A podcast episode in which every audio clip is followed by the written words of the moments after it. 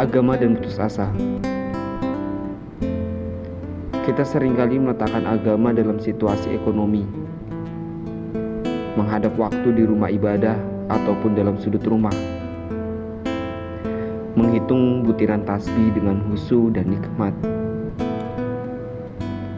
Tapi yang diminta bukanlah kedamaian hati ataupun belas kasih Tuhan, melainkan rezeki yang terus-menerus dianggap kurang. Meminta imbalan atas segala bentuk ibadah dan memohon sesuatu berupa duniawi kepada Sang Pencipta adalah ciri manusia menjadikan kepercayaan sebagai pelarian.